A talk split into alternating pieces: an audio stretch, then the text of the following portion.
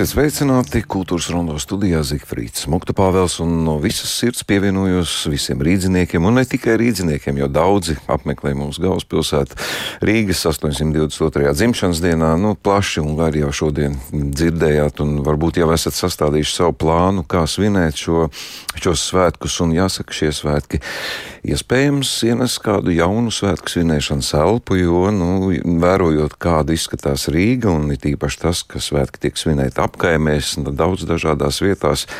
Tas neapšaubāmi priecē.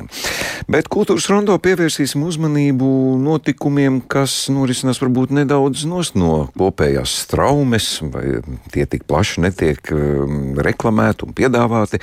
Šodien pievēršam uzmanību Latvijas fotografijas muzejam, kuri arī svin Rīgas mm, dzimšanas dienu, un jau no pulksten desmitiem tur ir apmeklētāji un tiek laipni gaidīti ar īpašu notikumu piedāvājumu. Bet šodien mēs tiešām ciemosimies fotografijas muzejā, bet pirms vēl dodamies uz pašu muzeju, tikai tādas informācijas mm, ziņošanas dēļ. Gribu teikt, ka tā, kā es teicu, no desmitiem jau muzejs ir atvērts un gan izstādes, kas ir aktuāls, gan izglītojušas nodarbības ar nosaukumu no stereofotogrāfijām līdz virtuālam attēlam, gaida savus interesantus pulksten vienos, tātad jau mazāk kā pēc divām stundām īpaši tiek gaidīti cilvēki, kas ir jauni, no 13 līdz 18 gadiem uz šo manis nosaukto izglītojošo, no, izglītojošo nodarbību, kurā dalībniekiem būs iespēja uzzināt par 3D attēlu veidošanas vēsturisko attīstību, un nodarbībā analogās fotografijas praktiķis un teorētiķis Armāns Anģa pastāstīs par 3D attēla aizsākumiem jau 19. gadsimtā ar stereoskopa palīdzību būs iespējams aplūkot arī agrīnos 3D attēlus, jeb stereo fotografijas, kā arī iepazīties ar Latvijas fotografijas muzeja krājumā esošiem stereoskopiem. Savukārt mediju mākslinieca Līga Vēliņa iepazīstinās ar jauno mediju pieeju virtuālās realitātes veidošanā, kā arī virtuālās realitātes pielietošanas praksē, izglītībā un mākslā. Pūksteni trijos apmeklētāji aicināti pievienoties izstāžu tūrei. Nu, daudz tādas interesantas lietas, manuprāt, un es to neteiktu, ja es nebūtu jau bijis fotografijas muzejā pirms pāris dienām, lai mm, paskatītos, kas tad šajā muzejā šobrīd notiek, kāda ir tā šī brīža situācija un varbūt kāda arī nākotnes perspektīva. Tāpēc mm, aicinu šīs stundas laikā iepazīt Latvijas fotografijas muzeju. Kultūras rondo skatās. Un Rīgā atrodas Latvijas fotografijas muzejs, uz kuru aicinu tagad doties kopā ar mani un ieejot muzejā, lai noskaidrotu vispirms tās pamatlietas par vēsturisko ekspozīciju un iespējamām pārmaiņām. Tiekos ar muzeja vadītāju Baibu Teteri, nu, un tad arī viņas mm, stāstījums par to, kāds tad muzejs šobrīd ir. Latvijas fotografijas muzeja ekspozīcija šā gada 18. maijā svinēja 30 gadi. Pats muzejs ir dibināts 1990. gadā. Par ekspozīciju runājot, 30 gadi liktos varbūt tādam cilvēku mūžam, jā, tāds briedums. Spēka gadi. Spēka gadi ir viss kaut kas iepazīts un apzināts, un ir jau sava doma un savs viedoklis. Bet, ja mēs skatāmies muzeja ekspozīcijas kontekstā, 30 gadi ir ļoti sirms, gandrīz vai vecums. Muzeja praksēs 5 gadi tas būtu laiks, kad būtu nu, jānomainās ekspozīcijai, arī pamata ekspozīcijām. Bet tādā pašā laikā es arī saprotu, skatoties Latvijas fotografijas muzeju institūcijas vēsturi, kāda muzejs ir izveidots, vai nu, teiksim, arī šo te, uh, 33 gadus posmu, kad uh, bijušas arī ļoti daudz uh, teiksim, mēģinājumu šo te ekspozīciju mainīt, vai arī nu, teiksim, bija ideja, ka muzejs arī pārvācās uz citām telpām. Iespējams, drīz tas arī tā notiks. Un uh, vēl par ekspozīciju. Tātad ekspozīcija stāsta par uh, fotografijas vēsturi tieši Latvijas kontekstu. Bet arī informācija, kā fotografijas vēsture tika stāstīta 20. gadsimta, nu, tātad 90. gados. Tāpat tās, kā mēs zinām, fotografijas mēdīs, mēdīju tehnoloģijas ļoti strauji, dinamiski attīstās, mainās. Tas ir jau nu, kopš pašiem fotografijas aizsākumiem, tātad 19. gadsimta vidū. Vienmēr ir bijis mēdījiem šis dzinulis attēlu iegūt ātrāk, lētāk un viņu reproducēt uh, vairāk. Teiksim, tā vēsture arī ļoti, ļoti bagāta ir daudzi nu, arī skatu punkti, kā mēs viņu varam skatīt. Ja? Bet to pašu var teikt arī par uh, fotografijas studijām. Ar to es domāju, nu, kā mēs nu, skatāmies, uh, kā mēs pētām fotografijas mēdī. Fotografijas tātad, nu, skatījums uz, uz šo mēdīju ir kļuvis starpdisciplinārāks. Nu, tas jau ir aizsākums 1970. gados skatīt no komunikācijas zinātnes, no socioloģijas zinātnēm. Nu, 21. gadsimtā tas ir ļoti izteikti. Šī starpdisciplinaritāte arī ļoti parādās tādos fundamentālos pētījumos. Šeit mēs varbūt tās um, redzam iztrūkums fotografijas, šie jaunie pētījumi šajā ekspozīcijā Mm, nu, tik ļoti varbūt nav uzrādīti. Mēs viņus apzinām. Tas ir mums ļoti lielisks tāds, kā saka, lauka darbs, kā, kā fieldworks, skatīties un analizēt, kā mēs varam uzlabot ekspozīciju, domājot par nākotni.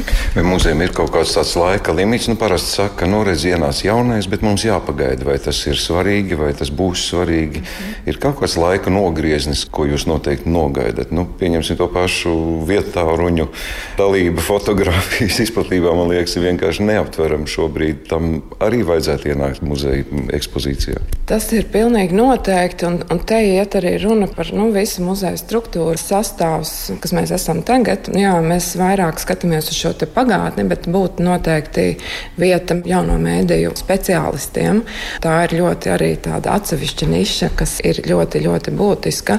Un um, vērojot tādas globālās prakses, ir šī muzeju interese, nu, atmiņu institūcija interese uzkrāt arī šo sociālo tīklu materiālu.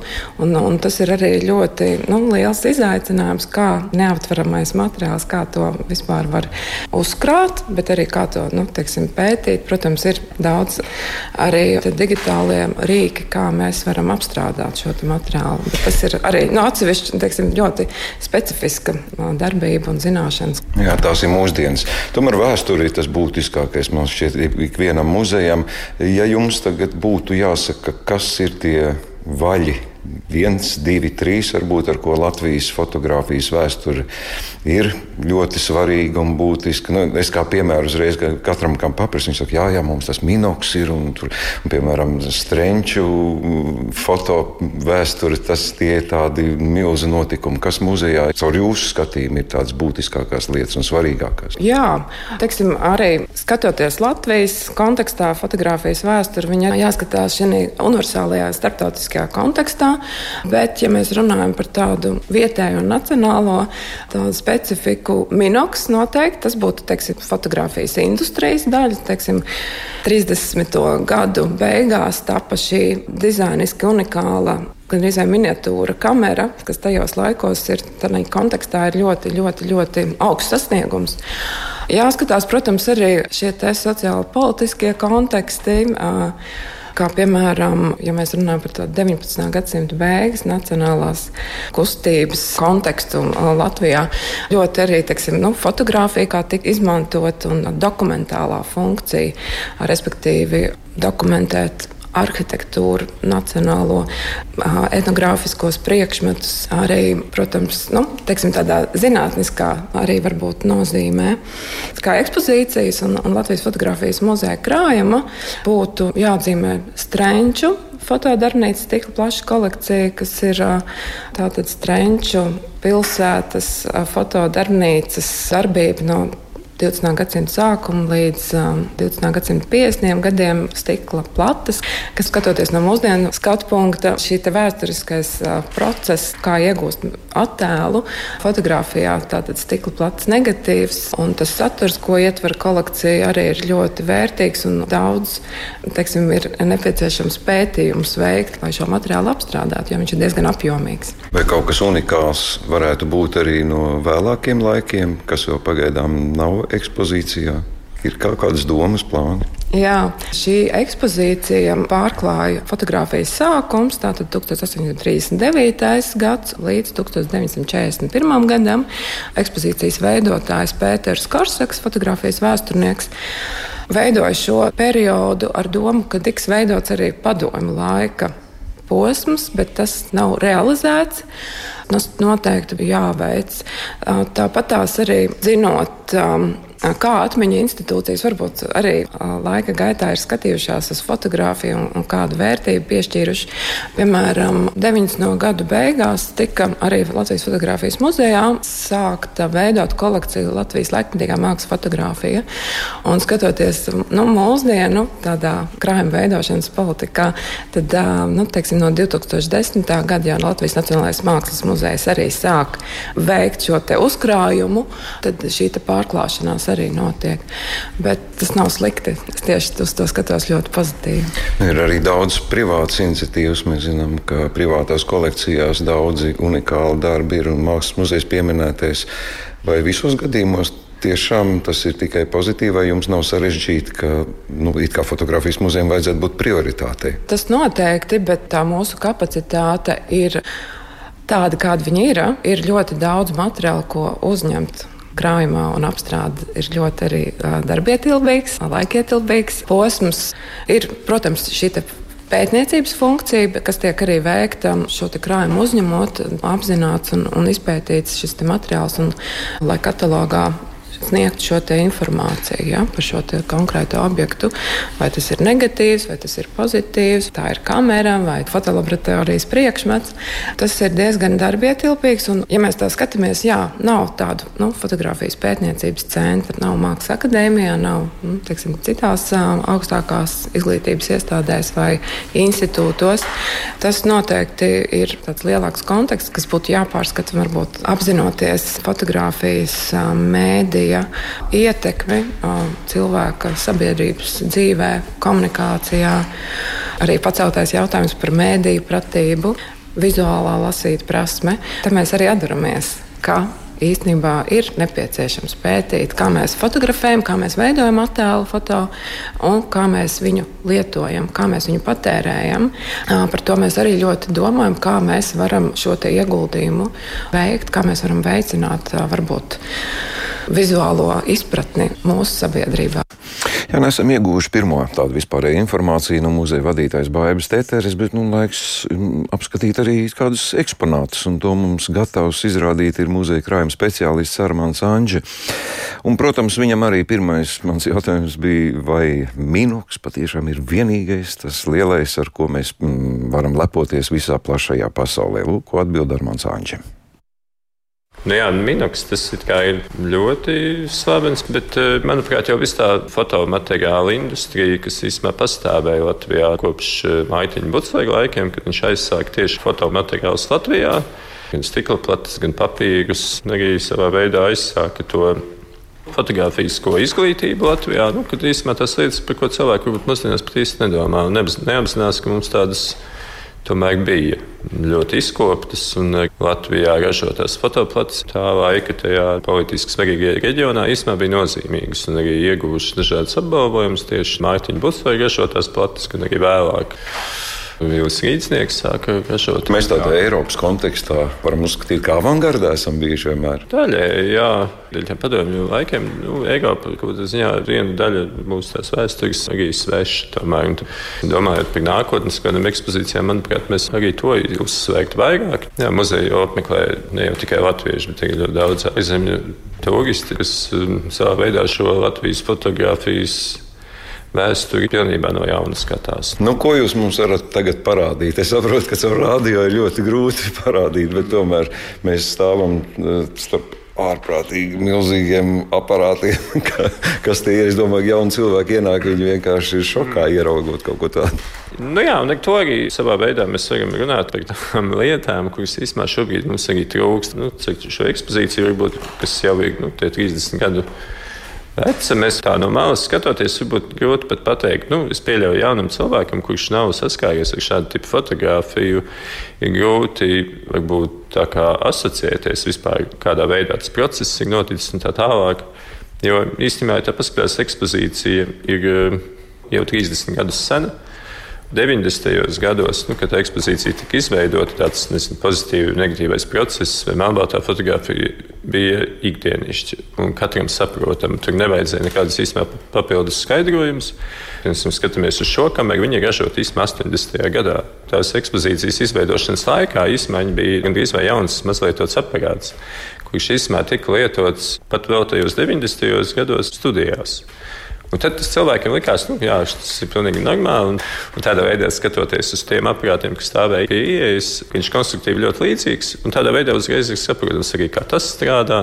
Tad tas pat varbūt nebija jāuzsver tik īpaši. Kādas detaļas es redzu, ka vitrīnās te ir arī tādas, varbūt, ko nefotogrāfi vispār nesaprot. Kas tie tādi ir? Primāri šeit ir vismaz ļoti tāda, nu, nozīmīga ekspozīcijas daļa un arī diezgan liela vērtība, ka šeit ir visādi minoks atribūtika un arī minoks oriģinālajie rasējumi. Jāsaprot, ka muzejs sākās, tad bija ekspozīcija jātaisa no tā, kas ir, kad tās lietas nebija tik daudz, tik daudzveidīgas. Un, uh, tad tika izlikti dažādi priekšmeti no 20, 30 gadiem, kas varbūt ir izrautas no tādas kopējās attīstības. Un tagad jau vairāk strādājot ar krājumu, un arī jaunu priekšmetu ienāk muzejā. Nu, Tad tādā veidā domājot par to, ka ir tomēr iztrūkstošie robi, kurus mēs mēģinām. Kā ienāk jauni priekšmeti, nes cilvēki atrod mājās? Jā, cilvēki sazinās ar eh, muzeju, jā, un tad eh, piedāvā mums, mēs izskatām, nu, izvērtējam, vai tas ir aktuāli, vai tas ir papildinoši.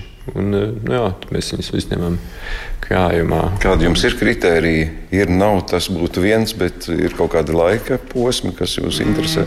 Mēs skatāmies, vai viņš kaut kādā veidā papildina, vai viņš iekļaujas kaut kādos kontekstos. Viens arī ir, piemēram, kad ir piederība, varbūt kādam svarīgam fotogrāfam piederējis.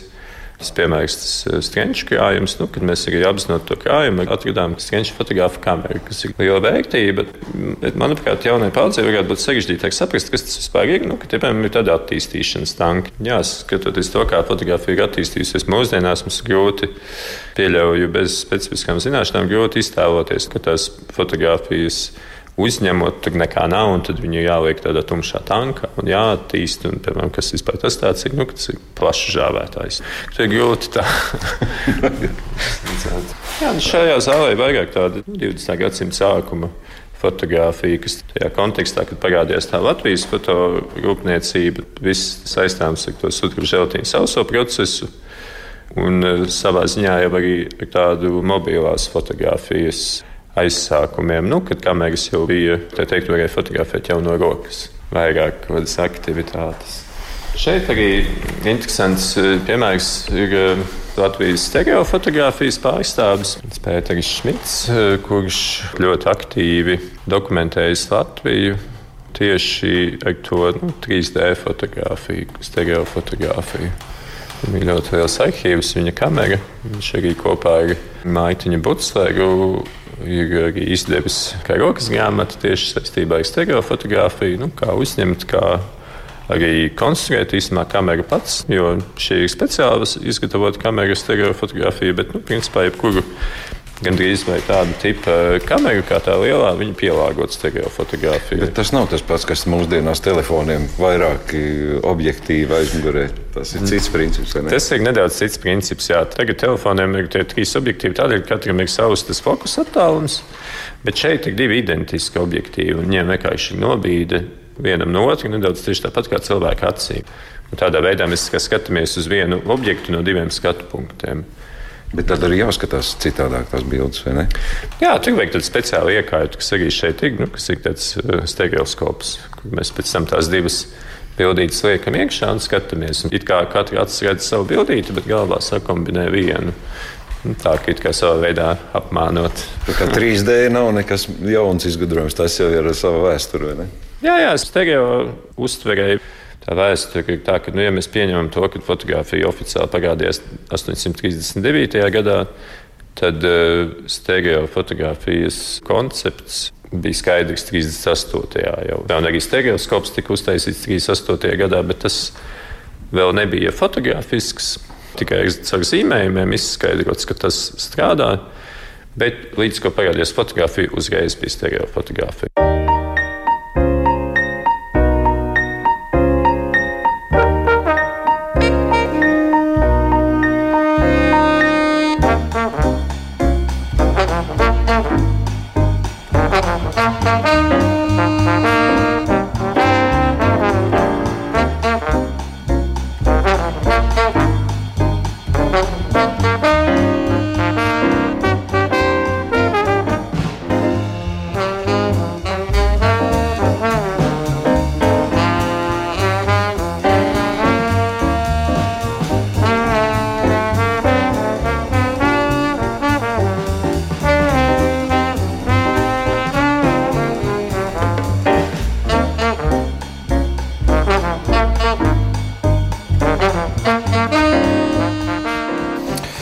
Jā, tā Armāns Anģa mūs tur mazliet iepazīstinās. Citu atgādināšu, ka tieši Armāns Anģa šodien arī jūs gaida jau pulksteni vienos, lai parādītu par šiem 3D vēsturiskajiem um, gan um, skatīšanās iespējām, gan par, par tām fotogrāfijām. Citu, arī Rīgas vēsturi varam skatīt 3D attēlos senos, senos, un tas ir ļoti efektīgi.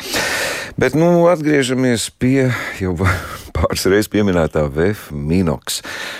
Šķiet, ka viss tā kā zinām. Vismazākais um, fotoaparāts un spiegiem ļoti iecienīts, bet kā tad tur īsti ir un kā tā vēsture par VF Minoks mums vairāk var, varēja pastāstīt. Un tagad paklausīsimies, ko stāsta um, Latvijas fotografijas muzeja krājuma glabātāja Jāna Čaure. VF Minoks ir ļoti unikāls gan Latvijas, gan globālajā kontekstā. Nu, globāli varētu teikt, ka tas ir pasaulē mazākais fotoaparāts. Šajā Latvijas kontekstā var minēt to, ka tas ir pirmais fotoaparāts, kur tā masveidā sāka ražot Latvijā, rūpnīcā uh, bet tas stāsts, kā šis VF minoks nonāca līdz Latvijai, arī savā ziņā ir interesants, jo Valters Caps ir dzimis Latvijā. Uh, pēc tam, pēc Pirmā pasaules kara, kopā ar savu ģimeni ir pārcēlies uz uh, Igauniju. Uh, 20. gada sākumā viņš sāka strādāt uh, Valtera Lemberga fotolaboratorijā, kur viņam arī radās tās pirmās idejas izgatavot uh, maza veida fotoaparātu. Un, uh, kopā ar savu domu biedru Rihārdu Jirgenu viņi arī 30. gados izveido uh, kopu uzņēmumu, kur tad rodas pirmie prototipi VF Minoxam, un jau pēc pirmo prototipu izveidošanas viņi sāk braukāt par Eiropu, piedāvājot lielākajām firmām šo prototipu. Lielākās firmas atsaka Eiropā, un 36. gadā CEPS ar savu VF Minox prototipu nonāk Latvijā kuru uh, VFU, tajā laikā VF rūpnīcu vada Teodors Vītols, kurš ir savā ziņā ļoti inovatīvs direktors, jo viņš ļauj cilvēkiem, kuriem ir ideja, viņas realizēt. Kā piemēram Kārlis Irbītis, kurš uh, sāka ražot uh, šīs lidmašīnas. Arī VFā viņš arī ļāva cepam uh, šo ideju par pasaulē mazāko fotoaparātu realizēt. Un tad uh, Teodors Vītols kopā ar Walteru Cepu noslēdz šo līgumu, kad uh, tiek uzsākta VF Minoks uh, ražošana VF rūpnīcā. Uh, Un 1938. gadā jau uh, tiek sākti ražoti pārdošanā tirgus vajadzībām uh, šie VF Minox fotoaparāti. Cena ir 238 lati. Jā. Šausmīgi liela. Jā. Tas ir tā kā mašīna. Jā, jā, jā, tajā laikā tas bija diezgan uh, dārgi, bet uh, kopumā no 1938. gada līdz 1942. gadam tiek izgatavot apmēram 17,500 VF minox fotoaparāti. Ja, tas nozīmē, ka viņi ne tikai spiegiem bija pieejami. Tas varēja katrs izdarīt. Tas, ka tās, tā bija spiegu kamera, man liekas, nedaudz arī kino industrija nedaudz ir pacentusies. Uh, šo, šo, šo kontekstu iedot fotoaparātam VF Minox, jo nekur sākotnēji, sākot ražot VF Minox, nekur netika minēts, ka tas tiek ražots spiegu vajadzībām. Vienkārši capam bija lieliski ideja par to, ka viņš vēlas maz, izgatavot mazāko fotoaparātu pasaulē un, un ļoti ino, inovatīvu un vēl nebijušu fototehniku, bet man liekas, spiegu vajadzībām tas parādījās uh, nedaudz vēlāk. Un, uh, jā, tad, tad beidza ražot 42. gadā VFā, jo Uh, visa tehnika, kas atradās VF rūpnīcā, tika izvest uz Vāciju. Un, uh, pēc uh, atkārtotas padomju Latvijas okupācijas Padomju Savienība nebija interesēta šajā patenta pagarināšanā, un tad arī beidzās VF minoks ražošana Latvijā. Pats Valters Caps pēc otrā pasaules kara aizbrauca uz Vāciju, kur viņš arī nodibina uzņēmumu un turpina ražot arī šos fotoaparātus pēc VF Minox parauga. Šeit ekspozīcijā mēs varam redzēt šos vēlākos Minox ražojumus. Šeit sākās šie pirmie ir sākot ar 50. gadu beigām. Un šeit tālāk jau var redzēt 80, 70. gadu beigas, 80. gadu uh, minoks ražojumus. Un šeit pa detaļām uz šo apaļo postamentu var redzēt uh, VF minoks pa detaļām, kāds viņš izskatās. Mēs esam pieraduši redzēt tikai to vienu, to unikālo, kas Jā. tika ražots Latvijā. Fotogrāfijas muzejā ir pieejama nu, šī evolūcija, un es redzu, ka no mini fotoaparāta mēs pārējām jau uz tādu pilnīgi saprotamu mūsdienu fotoaparātu. Nu, cik nu mūsdienu tādu ne, nelielu vēsturīti. Kāpēc viņš izmainīja to domu, ka jāsāk ražot tādu parocīgāku lielāku? Pats caps uh, pēc. Uh 50. gados pats aizgāja no, šīs, no šī uzņēmuma, kuru viņš izveidoja pēc otrā pasaules kara, bet, nu, skatoties uz šiem te, kas jau ir līdzīgi mūsdienīgākiem uh, fotoaparātiem, Nu, tas iemesls jau ir tāds, ka nu, viņi vienkārši gāja līdzi laikam un uh, centās iekļauties fototehnikas uh, tirgu. Un, uh, protams, šādi, šāda veida fotoaparāts, protams, ir ļoti izskatīgs un izsmalcināts, bet nu, bija jāiet līdzi laikam un bija jāpiedāvā cilvēkiem, kuri interesējās par fotografiju, arī mūsdienīgākā fototehnika. Tas vienkārši nu, pieprasījums. Mm, nu, jā, tirgus. Bet saps, tad ir bijis arī nu, tāds parastais biznesa projekts, vai ne? Ka tu staigā pie visiem stāst savu ideju, un tad jāsaka, ka cepuri nost Latvijas uzņēmējiem, kas piekrīt, ka nemaz ārzemnieki nemaz tam tik ātri nepiekrīt. Vai viņš kā uzņēmējs brīnišķīgs? Uh, jā, protams, viņam bija lieliska ideja, viņš satikās ar uh, VF direktoru Teodoru Vītolu, kurš uh, redzēja potenciālu šim izgudrojumam, vienkārši divi lieliski cilvēki satikās, un uh, tagad mēs varam pateikties, uh, ka tieši Latvijā tika ražots uh, pasaulē mazākais uh, fotoaparāts. Vai tikai izmērs ir svarīgs? Ko jūs varētu teikt, vai kas ir zināms par to kvalitāti? Tā kvalitāte ir uh, kā katram fotoaparātam. Latvijas fotografijas muzejā mēs varam apskatīt ne tikai šo VF minoksu un uh, oriģinālu un arī uh, fotoaparāta evolūciju, bet mēs arī varam apskatīt uh, tehniskās detaļas. Uh, piemēram, šeit ir apskatāms. Uh, kādas ir filmi, kā filmiņas, cik ļoti maziņas uh, un uh, Tas optimālais no sākuma bija domāts uztaisīt filmiņas ar 50 kadriem. Un, jā, viņas ir ļoti, ļoti mazas, un šeit var redzēt, cik ļoti maza fotografija tad iznāca ārā, un tad šeit ir palielinātā versija. Nu, perfekti. Kvalitāte uh, ideāli. Kvalitāte ir ļoti, ļoti uh, laba tajam laikam. Jā, kas vēl mums atrodas no tehnikas šeit? Šeit mēs varam redzēt arī iepakojumu kārbiņas, gan arī ādas futrālīti, bet arī pats interesantākais, kas mums atrodas ekspozīcijā, ir šie rasējumi. Šīs gan ir kopijas izstādītas ekspozīcijā, bet mums krājumā atrodas oriģināli, oriģinālie rasējumi. Ja mēs tā kārtīgi paskatāmies, tad šeit ir gan no 39. gada no 37. gada un arī no 40. gadiem. Tad šeit var iziet, ja interesē tas tehniskais. Uh, saturs, kā, kādā veidā tika rasēts minoks, tad šeit droši var nākt un skatīties. Bet kas tad bija tie rasētāji pats caps vai tur bija kaut kāda inženieru komanda? Tātad pēc tam, kad tika noslēgts šis līgums ar VEFu, tad uh, bija eh, tehnisko dokumentāciju izstrādāja Jāņa Veica birojā. Un uh, arī visas uh, ražošanas iekārtas un visus izējuma materiālus, uh, izņemot uh, fotofilmas, tika ražotas uh, VFā 15. korpusā, optikas nodaļā. Jā, un arī uh, šis uh, grafiskais dizains, um, logo ir uh, capa izdomājums, bet uh, tajā laikā VF reklāmas vadītājs Ādolfs Irbīts, tad viņš arī to visu uzlika uz papīra, nedaudz attīstīja, un tas VF logo, kādu mēs viņu uh, redzam, tas ir uh, arī pateicoties VF darbiniekiem. Jā, nu saku paldies Janai Čaurei.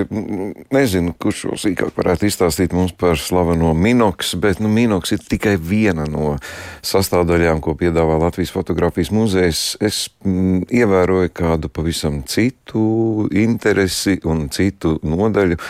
Un tāpēc priecājos, ka muzeja vēsturniece Santa Hirša mūs aizved pavisam citā fotografijas pasaulē, respektīvi caur fotografiju mēs pētām arī cilvēkus. Un um, Santa Hirša mums stāstīs par pētniecību saistībā ar sievietēm fotografēm. Protams, tā viena, laikam tā vienīgā, ko es līdz šim biju dzirdējis, Lūcija Alutis Kreitsberga, no nu arī viņa, par viņu ir diezgan plaša informācija atrodama Latvijas fotografijas muzejā. Lūcija Alutis Kreitsbergs ir vienīgā tā uh, pastāvīgā ekspozīcijā tā reprezentatīvi pārstāvētā sieviete autore, ko tas uh, uh, pasaka par fotografijas vēsturi Latvijā un pasaulē kopumā. Jo, jo skaidrs, ka tas atspoguļo nevienu kaut kādu specifisku Latvijas fotografijas uh, muzeja krājumu vai arī kaut kādas krājuma politikas izvēles, bet pa lielam tas atbalsto šo te. Uh, fotografijas kā mēdīja vēsturi, uh, viņa, uh, viņa statusu sabiedrības apziņā un arī tajā, tajā mākslas evolūcijā. Jo vēsturiski fotografijas medijas bija, nu, sākotnēji rodoties, viņš bija daudz demokrātiskāks nekā tie mākslas veidi, kas tolaik sabiedrībā bija, nu, kuriem vispār bija šis mākslas status, piemēram, glezniecība, vai grafika vai tēlniecība. Tādā ziņā uh, fotografijai vēl nepie, nepiemita šī mākslinieckā funkcija. Līdz ar to sievietes īstenībā varēja daudz brīvāk darboties ar fotografijas mediju nekā, nekā citos mākslas veidos. Un šo sieviešu fotografu ir, ir salīdzinoši daudz pasaules fotografijas vēsturē, bet nes kāpēc. Tādi spilgtākie sasniegumi tāpat joprojām tiek piedāvāti vīriešiem. Un Latvijā tā situācija ir arī diezgan līdzīga, un manuprāt, tas atspoguļojas nevienu faktā, ka Lūcija Alutas Kreitsbergs ir vienīgā ekspozīcijā pārstāvētā fotografa sieviete. Uh, bet tas atspoguļo arī tādas, tādas sarežģītākas varas dinamikas, ko fotografijas lietojums šajā laikā vispār nu, atspoguļo un ietekmē. Jo, piemēram, 19. gadsimta beigās, kad fotografija ienāk Latvijā, ir redzams šis dalījums, ka Rīgā pārsvarā darbojās vācu baltieši, nu, respektīvi vācu tautības fotografi savukārt. Lauku reģionos tieši otrādi tur vairāk bija latviešu izcelsmes fotografu. Līdz ar to nu, jā, parādās šis te, te nelielais disbalans, ko, prot, nu, kas ir rezultāts tam, ka jā, turīgākie, turīgākie sabiedrības slāņi vienkārši dzīvoja galvaspilsētā. Viņam, protams, bija šī rocība atvērt un salonus Rīgā ko savukārt latviešu tautības fotogrāfi nevarēja tik vienkārši izdarīt. Un, lūk, un faktā, ka Lūcija Eltis Kreitsbergs ir vienīgā nu, sieviete, kurai bija fotodarbnīca Rīgā pēc Pirmā pasaules kara. Uh, tas, ir, tas atkal atkārto šo disproporciju, jo reģionos sieviešu fotografu bija salīdzinoši daudz. Reģionos viņas arī patstāvīgi darbojās, viņām bija savas, uh, savas fotodarbnīcas. Jā, nu, diemžēl šis viņu Viņu radošais mantojums nav tik labi saglabājies atšķirībā no Kreitsbergas. Tad atkal parādās vēl viens tāds zemūdens akmens fakts, ka Lūcija Jautas Kreitsbergs bija saistīta ar šīm mākslas aprindām. Un tas kaut kādā ziņā arī atspoguļo šī fotografijas kā mēdīja emancipēšanos ar mākslu. Jo Lūcijas Autis Kreisbergs um, portreti un fotografijas, kā mēs redzam, viņas ir, nu, viņas redzamas šīs te piktoriālismu ietekmes, kas kā nu, tāds nosacīts fotografijas žanrs, uh, paņēmiens tajā laikā kā, kā dominēja uh, Latvijas estētikā, Latvijas mākslā, bet um, Nu, jā, tas vienkāršiem vārdiem izsakoties, tas bija tāds fotografēšanas veids, kas atkārtoja glezniecības un grafikas stilistiskos izteiksmes līdzekļus un līdz ar to nedaudz pielīdzināja fotografiju tēlotai mākslai. Un, nu, jā, tas ir viens no iemesliem, kāpēc Kreisberga kļuva sabiedrība atpazīstama, kāpēc daudzi pie viņas, pie viņas fotografējās. Un, jā, viņa diezgan daudz fotografē dažādas sabiedrības augstākās aprindas, dažādus slavenus aktierus, mūziķus. Un, tā kā šos uh, portretus pēc tam viņa, viņa izdeva arī paskartīšu veidā, tad cilvēki kolekcionēja.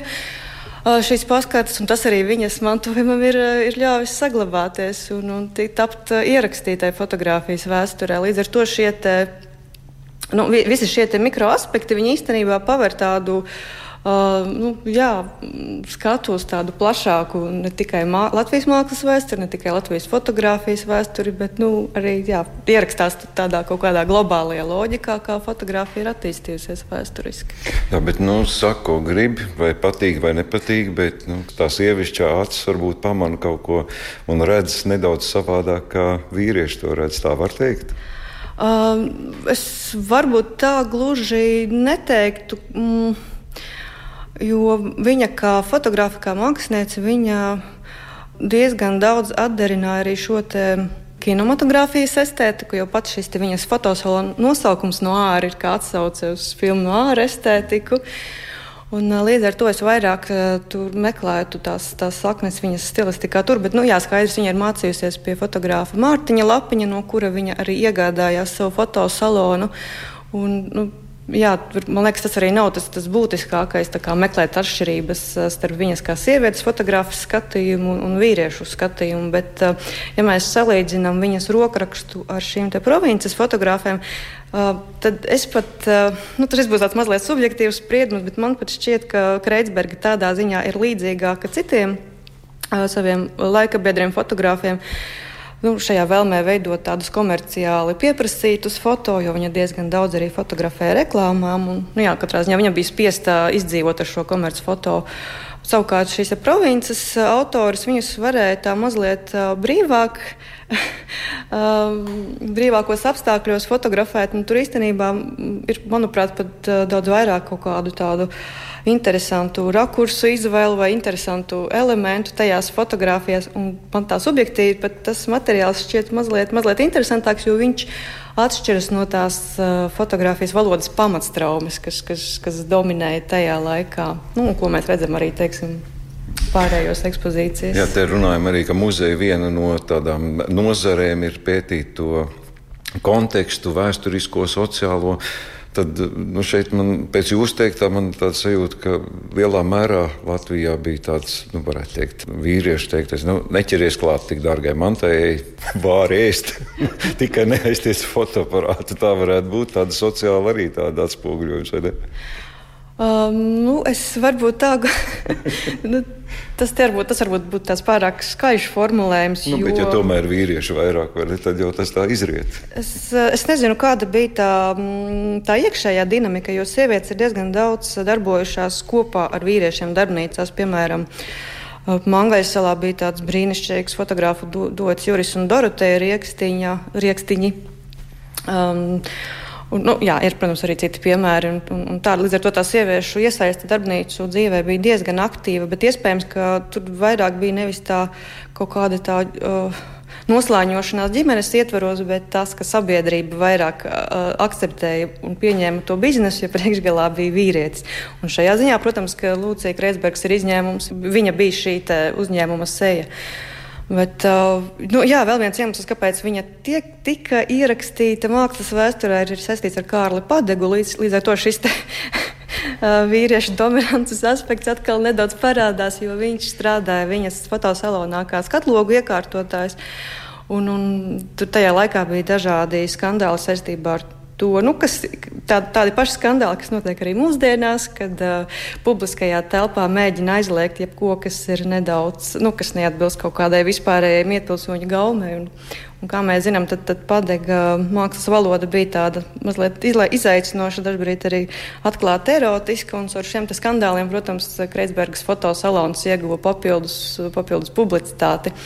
Bet, jā, tas, tas ir būtiski ne tikai tajā aspektā, bet arī tajā, ka Mākslas vēsturnieks Jānis Kalničs, kurš ir ļoti detalizēti pētījis Kārļa padega darbību. Nu, principā tieši viņš pirmais pievērsa uzmanību. Varbūt ne gluži pirmais, kopā ar nu, paralēli arī Pēteris Korsaks, šī muzeja līdzdibinātājs un arī ekspozīcijas autors. Viņi bija tie, kas, kas pievērsa uzmanību Kreitsbergas fotodarbnīcai, bet Kalničam varbūt ir mazliet lielāka nozīme tajā ziņā, ka viņš tomēr viņu ierakstīja Latvijas mākslas vēstures tādām tādā kopainā. Un, nu, un, jā, arī joprojām mēs uh, redzam, ka kaut kādos Latvijas mākslas vēstures vispārīgos izdevumos Kreisbergs ir vienīgā sieviete fotogrāfa, kas, kas tiek minēta. Bet uh, nu, jā, šie procesi pamazām tiek pārrakstīti, un te ir ļoti liela nopelna arī mākslas vēsturniecei Šeldē Puķītei, kas šobrīd apzina visas sievietes fotogrāfus. Viņiem bija ļoti veiksmīga izstāde sudraba meitenes kopā ar, ar, ar Igaunijas kolēģiem. Līdz ar to tie procesi, protams, pamazām, pamazām notiek, bet nu jā, jāņem vērā arī tas, ka fotografija, Latvijas fotografijas vēsture un Latvijas mākslas vēstures arī ir eksistējusi tā nedaudz paralēli, un tie, un tie satek punkti ir nu, nevienmēr ir bijuši pietiekami aktīvi. Mums kaut kā joprojām gribas nedaudz nodalīt fotografijas vēsturi no mākslas vēsturi, kas, kas manuprāt, nav īsti pareizi. Bet, nu, tas arī ir viens no mehānismiem, kā sievietes fotografijas ir tikušas izstumtas no šī pamatnaratīva. Jā, nu tā mēs par tām dzimumu sadalījumu arī nevaram apiet, aizejot uz fotografijas muzeju. Bet jāsaka, ka fotografijas muzejā vismaz nu, sieviešu īpatsvars ir krietni pār kungiem, bet varbūt fotogrāfu interesantu un apmeklētāju sadalījums varētu jums eh, šķist interesants, eh, apmeklējot muzeju šodien. Bet tomēr šīs stundas nelielo ekskursiju pa Latvijas fotografijas muzeju atkal noslēgšu ar muzeja vadītāju Baibu Teteru. Protams, ka man interesē tas, kā mēs šodien skatāmies savas fotogrāfijas, kā tās glabājam, uzkrājam, un par to arī mēs sarunājamies ar Baibu Teteri. Fotomuzejs, zinātne, māksla, tas viss ir brīnišķīgi, bet mēs katrs esam fotogrāfs mūsdienās jo īpaši, kur tad iedomājamies tās kurpju kastes ar kaudzēm fotografiju, vai arī gluži pretēji skaisti noformētas albumus vai mūsdienās fotogrāmatas. Vai jums ir kaut kas arī apmeklētājiem sakāms par to, kas skar nu, katru ļoti privāti, jo mēs katrs saskaramies ar savu fotografiju. Kāda ir varbūt tā mūsu sabiedrības vēsture savu fotoalbumu veidošanā, fotografiju krāšanā? Ir priekšstats par to? Es jau minēju par šo nu, fotografijas studiju attīstību, virzību un, un, un, un varbūt tās horizontu paplašinājumu. Un šī interese, teiksim, arī kā mēs patērējam, kā mēs uzkrājām fotogrāfijas pagātnē un, un kā mēs to darām mūsdienās, kā tas mainās. Liela tāda interese un varbūt stāsta par mums pašiem, par šo uzkrāšanas kultūru. Cilvēkiem zina, kā parasti. Es tev tūlīt parādīšu fotografiju, un tad sāk rakņāties telefonā, vai es nesaprotu, kur man viņa palika. Nu, jā. Saucās pilnīgs hauss. Nu, tas ir tas mūsdienu digitālais albums, ja, ko es gribētu teikt, kas ir transformācija nu, mūsdienās no fotoalbuma kāds tika ieviests varbūt 19. gadsimta vidū. Jā. Ja mēs runājam par, par to pašu pirmo attēlu, tad tika patentēts dagarātības, tas ir uz vara plāksnes attēls. Netika albumā likts, bet tikko kā bija iespējams un arī masveidā sāka veidot attēlus uz papīra. Tad arī bija šī doma, kā viņus vispār sakārtot, kā viņus skatīt. Jo nu, attēlu kaudzē, ja, bet tas nav tik parocīgi, nav tik draudzīgi šim savā ziņā jūtīgajam objektam, fotografijai uz papīra. Es esmu atlasījusi arī, varbūt mums ir ekspozīcijā redzami, tātad 19. gadsimta albumi. Tieši konkrēti ekspozīcijā ir 19. gadsimta beigas, otrā puse - rīdzinieku un Latvijas iedzīvotāju, kādas izmantoja izmantoja. Jā, es minēju par šo fotopapīru un tika standartizēts 19. gadsimta vidū. Karta de vizīte bija tāds nu, ļoti maziņš tas izmērs, savukārt kabineta formāts bija lielāks. Respektīvi, albumīnu papīrs tika uzlīmēts uz cieta kartona virsmas. Tas ir kā fotoalbuma sākums, ja ka vienkārši fotografija Jā. tiek uzlīmēta uz kā stingrāka pamata. Stingrāka pamata, jo tas albumīna papīrs ir ļoti plāns. Un šiem izmēriem tika piemērots tātad albuma kabatiņas paspartu. Šis ir ļoti, ļoti, ļoti ekskluzīvs. Tikko no restaurācijas arī atgriezies mūsu krājuma priekšmets. Tātad 19. gadsimta beigas, 20. gadsimta sākums. Te mēs varbūt arī varam caur šo piemēru arī pārunāt, kādi tie albumi bija sākotnēji. Ja? Radio klausītājiem jāsaka, ka šobrīd direktori neļauj man elpot un pat ar cimdiem vērs vaļā šo unikālo fotoalbumu. No kurienes tas ir nācis, kam tas ir piederējis? Jā, tas ir tātad dāvinājums, uzņemts krietni iepriekš, bet bijusi nepieciešama restaurācija, jo albums ir veidots tātad ir ādas vāki un metāla aizdare un šīs albuma lapas arī ir veidotas no kartona ar ļoti skaistu musturu. Tā tad mēs redzam šīs kabatiņas, kas ir domātas karte de vizīte formātam. Albums ir nonācis bez fotografijām, bet mēs redzam šos veidus, kā mēs varbūt varējām uzkrāt. Visbiežāk karta de vizīte tika fotografēti portreti. Tas kādreiz piederējis kādai turīgai ģimenei. Nav zināma konkrēti kāda, bet ļoti dažādi nāk šie dāvinājumi. Šis arī um, ļoti raksturīgi, kad ir šī slēdzenīte, ja, kas it kā nu, aiztaisa tādu metāla dekoratīvu detaļu. Un mēs redzam arī varbūt jūgendu stilu, kas ienāk tātad 19. gadsimta beigas, 20. gadsimta sākums, eklektikas un jūgendas tāds sajaukums. Nu, jā, runājot par šiem albumiem, kas ienāk 19. gadsimta vidū, veidojās šis sabiedrības sabiedrības turīgais slānis. Visbiežāk tas bija pilsētnieku, kuri varbūt arī dzīvoja šo standarta dzīvi tādos plašos dzīvokļos, kuriem bija ā, dzīvojamā istaba, divāns, komode. Tējas galdiņš, un tad uz tāda tējas galdiņa cieņām bija arī uzlikta ģimenes tipa albumu, lai pie tējas kopā ar viesiem vai paplašinātā ģimenes lokā pāršķirstītu un skatītos ģimenei dārgo cilvēku sejas. Zīmīgi ir tas, ka 19. gadsimta albumu skatīšanās tradīcija tātad notiek tādā paplašinātā ģimenes lokā vai draugu lokā. Tas, ko mēs redzam, ģimenes vecākā pārstāve vai pārstāvis stāsta par ģimenes paudžu portretiem, kas varbūt tās bērniem nav Viņi varbūt nav sastapuši. Un tas notika tādā orālā tradīcijā, respektīvi, kad netika pie bildēm rakstīts vārds uzvārds, bet bija būtiska komunikācija un process skatīties. Un, un, respektīvi, tas veidojās tāds kā rituāls. Līdzīgi kā mēs pie televizora sēžam. Arī jā, šis albums kļūst par tādu aģentu, kas apvieno šo vecāko paudzi ar jaunāko paudzi. Jaunākā paudze uzzina par saviem priekštečiem. Es esmu lasījusi pētnieki ir izteikuši minējumu, ka modernais laikmets ir 19. gadsimtā. Mēs tā arī varam skatīties, kad šāds albums ir aizvietojis Bībeli. Vizuālā kultūra sāk dominēt vairāk un vairāk. Nu, šo, šodien mēs esam tur, kur mēs esam. Tas ir tāds varbūt aizsākums. Ģimenes ciltskoks tiek veidots caur šo vizuālo taku. Ja mēs nu, Bībelē ierakstam ar vārdiem, ar gadiem, kad tur ir dzimis viss tēvs, māte un tur viss pēcteči. Un tad, nu, var sakot, sākot no, no ģimenes ciltstēva, ciltsmātes, tad fotoalbums bija sava veida ģimenes relikvija. Jā, šādu kontekstu fotografijai pat varbūt reti kurš iedomājas. Jā, salīdzinājums ar dzimtas koku un bībeli. Tas varētu būt viens no tiem interesantiem atklājumiem, ko varētu iegūt apmeklējot fotografijas muzeju. Pirms šķiramies, man laikam jums pašiem jautājums. Jūs gan minējāt, ka muzejs ir iespējama pārmaiņu krustcelēs. Ko man novēlēt jūsu apaļajā jubilejā? Kas ir varbūt tie sapņi tuvākā, tālākā laikā, ko jūs gribētu piepildīt caur muzeju? Nu, lai visi procesi rit savu gaitu uz šo pārmaiņu asu. Es domāju, ir ļoti daudz mūsu pusē, kā mēs sevi pierādām, vēstam par fotografijas mēdījiem būtiskumu sabiedrības izpratnē, kā mēs komunicējam. Jo fotografija, manuprāt, ir tik ļoti integrējusies mūsu dzīvēs, mēs to varbūt nemaz neapzināmies. Un tad ir varbūt fotografijas muzeja funkciju, tīt atpakaļ šo jautājumu un atgriezties pie pamatlietām.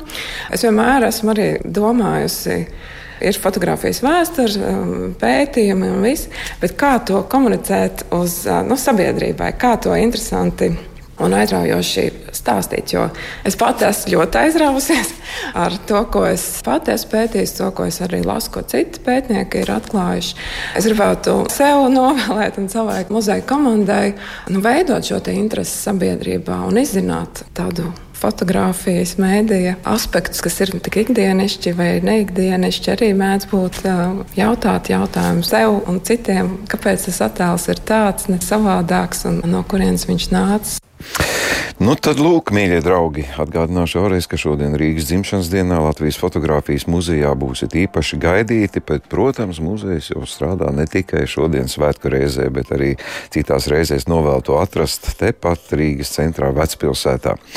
Šodien saku paldies gan muzeja darbiniekiem par to, ka viņi piekrita man izrādīt savus, savus dārgumus, un īpaši paldies saku arī cilvēkiem, kas man līdzēja šajā, šī raidījuma tapšanā. Uh, Norai Mitspapai pirmām kārtām arī producentei Santai Laugai, muzikas redaktoram Ansim Pavasarim pie skaņpūles bija Iveta Zvēniece, bet mēs tiksimies jau jaunedēļ.